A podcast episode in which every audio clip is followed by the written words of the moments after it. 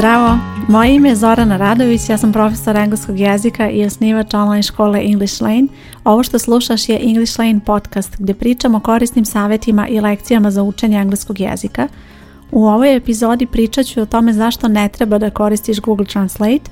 i e, pre svega počet ću time što ću reći da ja zaista mislim da je to odličan alat i da nešto što može da ti pomogne za neke quick wins, znači za nešto što ti treba na brzinu, recimo da pročitaš neki email koji si dobila ili da napišeš čak neku rečenicu da odgovoriš na taj email, to je nešto što ti zaista može pomoći. Nedavno sam pravila kurs poslovni engleski i bila je lekcija gdje sam navodila primere reči za neke pojmove koji se javljaju u kancelariji i tu je bila reč push pin i to je nešto što ja uopšte nisam znala kako se kaže, to kako se prevodi, nikad nisam čula tu reč i znam šta je, znači to je ono što se koristi na tabli od plute da se zakači papir, ali ne znam da postoji termin za to i onda mi je palo na pamet da pogledam Google Translate i da, videla sam termin pribadača i bio mi baš čudan termin, zaista prvi put sam čula reč pribadača i onda sam pogledala i zaista videla da kad pogledam neke prodavnice one kancelarijskih materijala, zaista imaju to i to se zove tako pribadača i to je nešto što mi je recimo dosta pomogao taj alat i eh, naravno mogao bi da mi pomogne neki drugi rečnik, ali je Google Translate zaista super alat da ti pomogne za takve neke brze stvari, da nešto rešiš, da na brzinu saznaš šta neka reč znači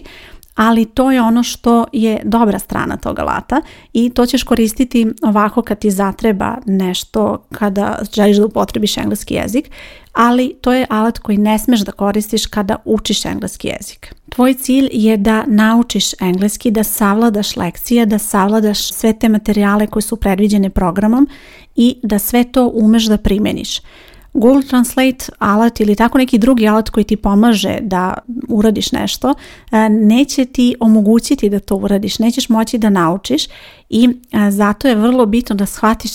je zašto e, Google Translate nije alat koji je tebi potreban i zašto ne treba da koristiš takav način pomoći. Prvi razlog je ne uspevaš da upotrebiš ono što znaš, jer ako nisi dovoljno dobro naučila neku lekciju,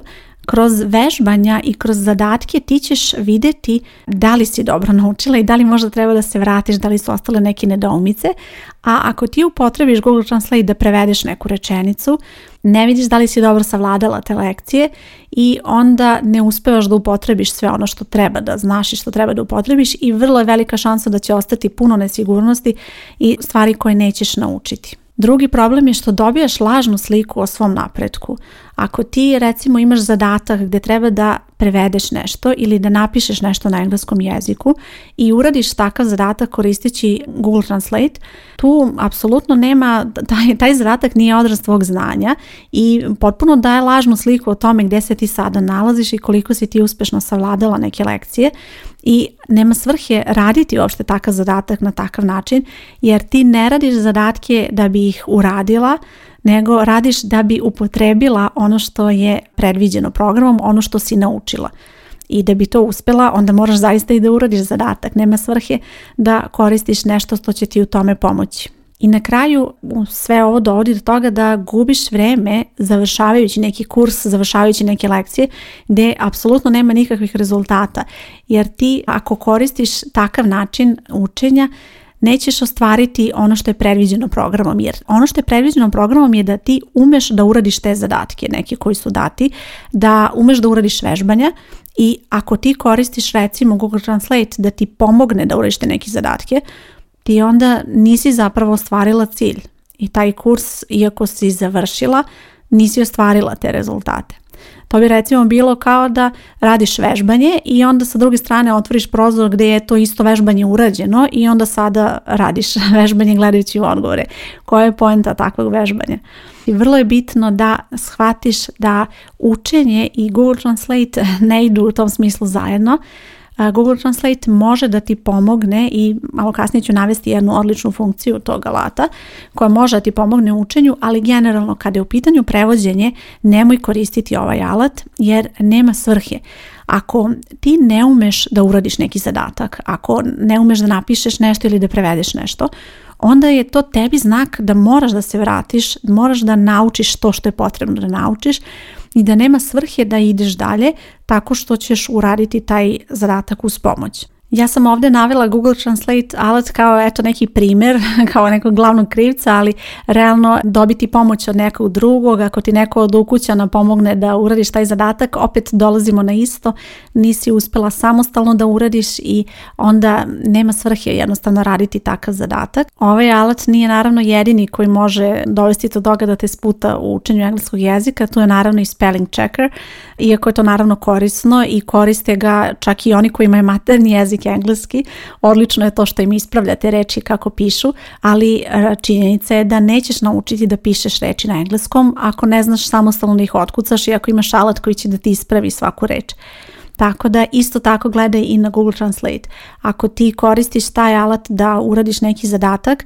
ok, uradit ćeš taj zadatak, ali realno kada budeš došla u situaciju da ti treba engleski jezik u konverzaciji i kada treba da upotrebiš nešto što bi trebalo da si naučila, nećeš moći baš iz tog razloga. U okviru moje škole postoje zadaci prevođenja u kursevima i vrlo je bitno da te zadatke možeš da uradiš samostalno i apsolutno nema svrhe da recimo upotrebiš Google Translate i da pošalješ tako neki zadatak jer i pogotovo što se povremeno i provuku neke greške koje Google Translate jednostavno ne može da vidi, a odmah te odaje onako. Jedan od primjera koji meni baš bio zapao za oko je rečenica koja je bila da se prevede, taj put je nov i onda sam videla prevod rečenice that way is new i that time is new. I ovako sam, stala sam prosto, nisam, nije mi bilo jasno što su tako preveli re, reč i pogotovo što je lekcija bila o gradu i o tome šta se sve nalazi u gradu i bila je reč road koju je trebalo upotrebiti za put, odnosno učili su i ulica i tako neke reči. I onda mi nije bilo jasno zašto bi neko upotrebio way i time koje jesu reči koje mogu da znače put, ali u potpuno nekom drugom kontekstu, dakle nemaju veze sa ovom temom i onda sam shvatila da su upotrebili Google Translate alat da prevedu takvu rečenicu i eto, apsolutno nikakav um, efekt nije tu bio, znači oni nisu uspeli da upotrebe reč koju su naučili, i napisali su rečenicu koja možda jeste gramatički tačna, ali potpuno nema smisla u tom kontekstu. I naravno te osobe nakon što su eto tako radile, možda su uradile još neki zadatak i ubrzo su odustale od učenja engleskog jezika jer nisu vidjeli rezultate i osjetili su da im je previše teško i to je normalno. Znači normalno je da u nekom trenutku osjetiš da je možda nešto teško, ali to nije razlog da uradiš, da upotrebiš Google Translate, da prevedeš nešto i da to uradiš kao to neku prečicu, jer će ti sljedeći zadatak biti još teži,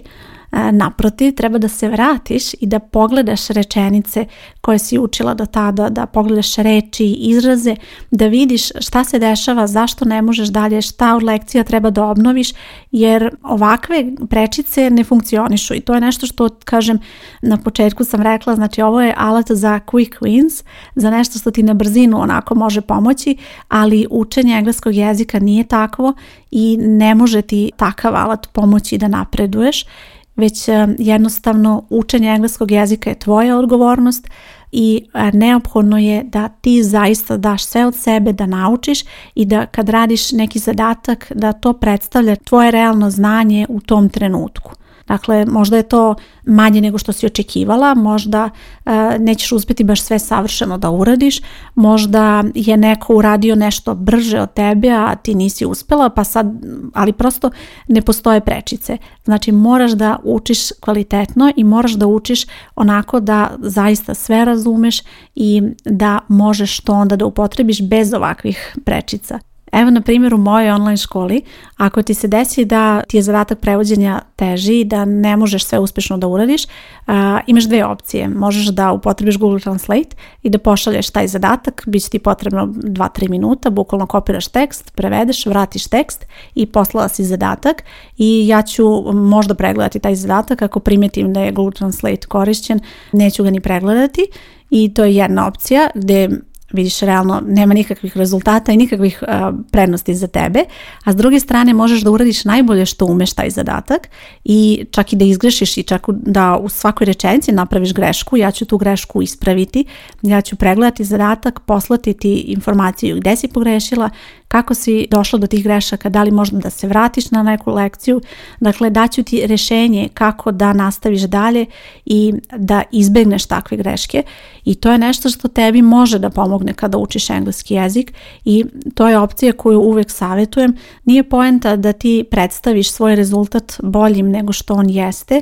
jer na kraju krajeva učiš to sve zbog sebe i bitno je da sebi možeš da dokažeš da to znaš i da si naučila, a sve ostalo znači nije toliko bitno. Bitno je da taj tvoj rezultat predstavlja zaista sve ono što si ti uložila i ono što si ti naučila. I pomenula sam već da Google Translate ima jednu odličnu funkciju zbog koje može biti koristan u učenju, ali samo to jedno će ti koristiti, a to je izgovor. Znači imaš mogućnost da kada otkucaš neku reč da klikneš na onaj zvučnik i da čuješ kako se ta reč izgovara i to je nešto što je tebi korisno. Naravno imaju u vidu da svaki e, online rečnik engleskog ima također tu funkciju, tako da ako već koristiš rečnik nema potrebe da koristiš i Google Translate, ali eto to je korisna funkcija koju možeš da koristiš kada učiš engleski jezik, ali kao što vidiš ta funkcija je nešto što tebi pomaže,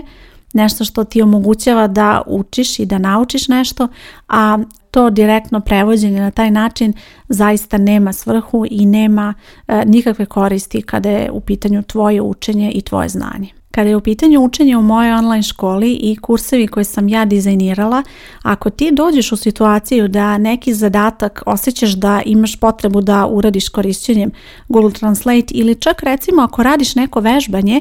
i treba da uradiš, e, da izabereš neku reč ili nešto i nisi u stanju da prevedeš tu rečenicu, već moraš da koristiš takav alat, to odmah treba da ti bude znak da nešto nije u redu, jer e, to je nemoguće da se dogodi ako si ti zaista krenula od početka i naučila, jer sam ja kurseve tako napravila da ako zaista naučiš kvalitetno, ne može i ne sme biti propusta i ne može biti takvih nejasnoća zato što se sve lekcije nadovezuju jednu na drugu i e, nema nekih reči koje se podrazumevaju, već su sve to reči koje si ti naučila, odnosno trebala da naučiš u nekom trenutku, ali možda nisi i takav osjećaj je znak da moraš da se vratiš, da moraš da sačekaš da vidiš šta se dešava, gdje si pogrešila, šta ti tačno nije jasno i to je situacija kada moraš mene da kontaktiraš, da ti ja pomognem, ja ću se vratiti, pogledati izveštaj, eventualno vidjeti gdje su počeli da se javljaju takve nesigurnosti, da e, ti pomognem da takve stvari rešiš jer je neophodno zaista da sve što radiš, sve što učiš, da učiš sa razumevanjem, da učiš kvalitetno, i da to zaista daje dobre rezultate kako napreduješ, da ti kako napreduješ sa učenjem ne ispadne da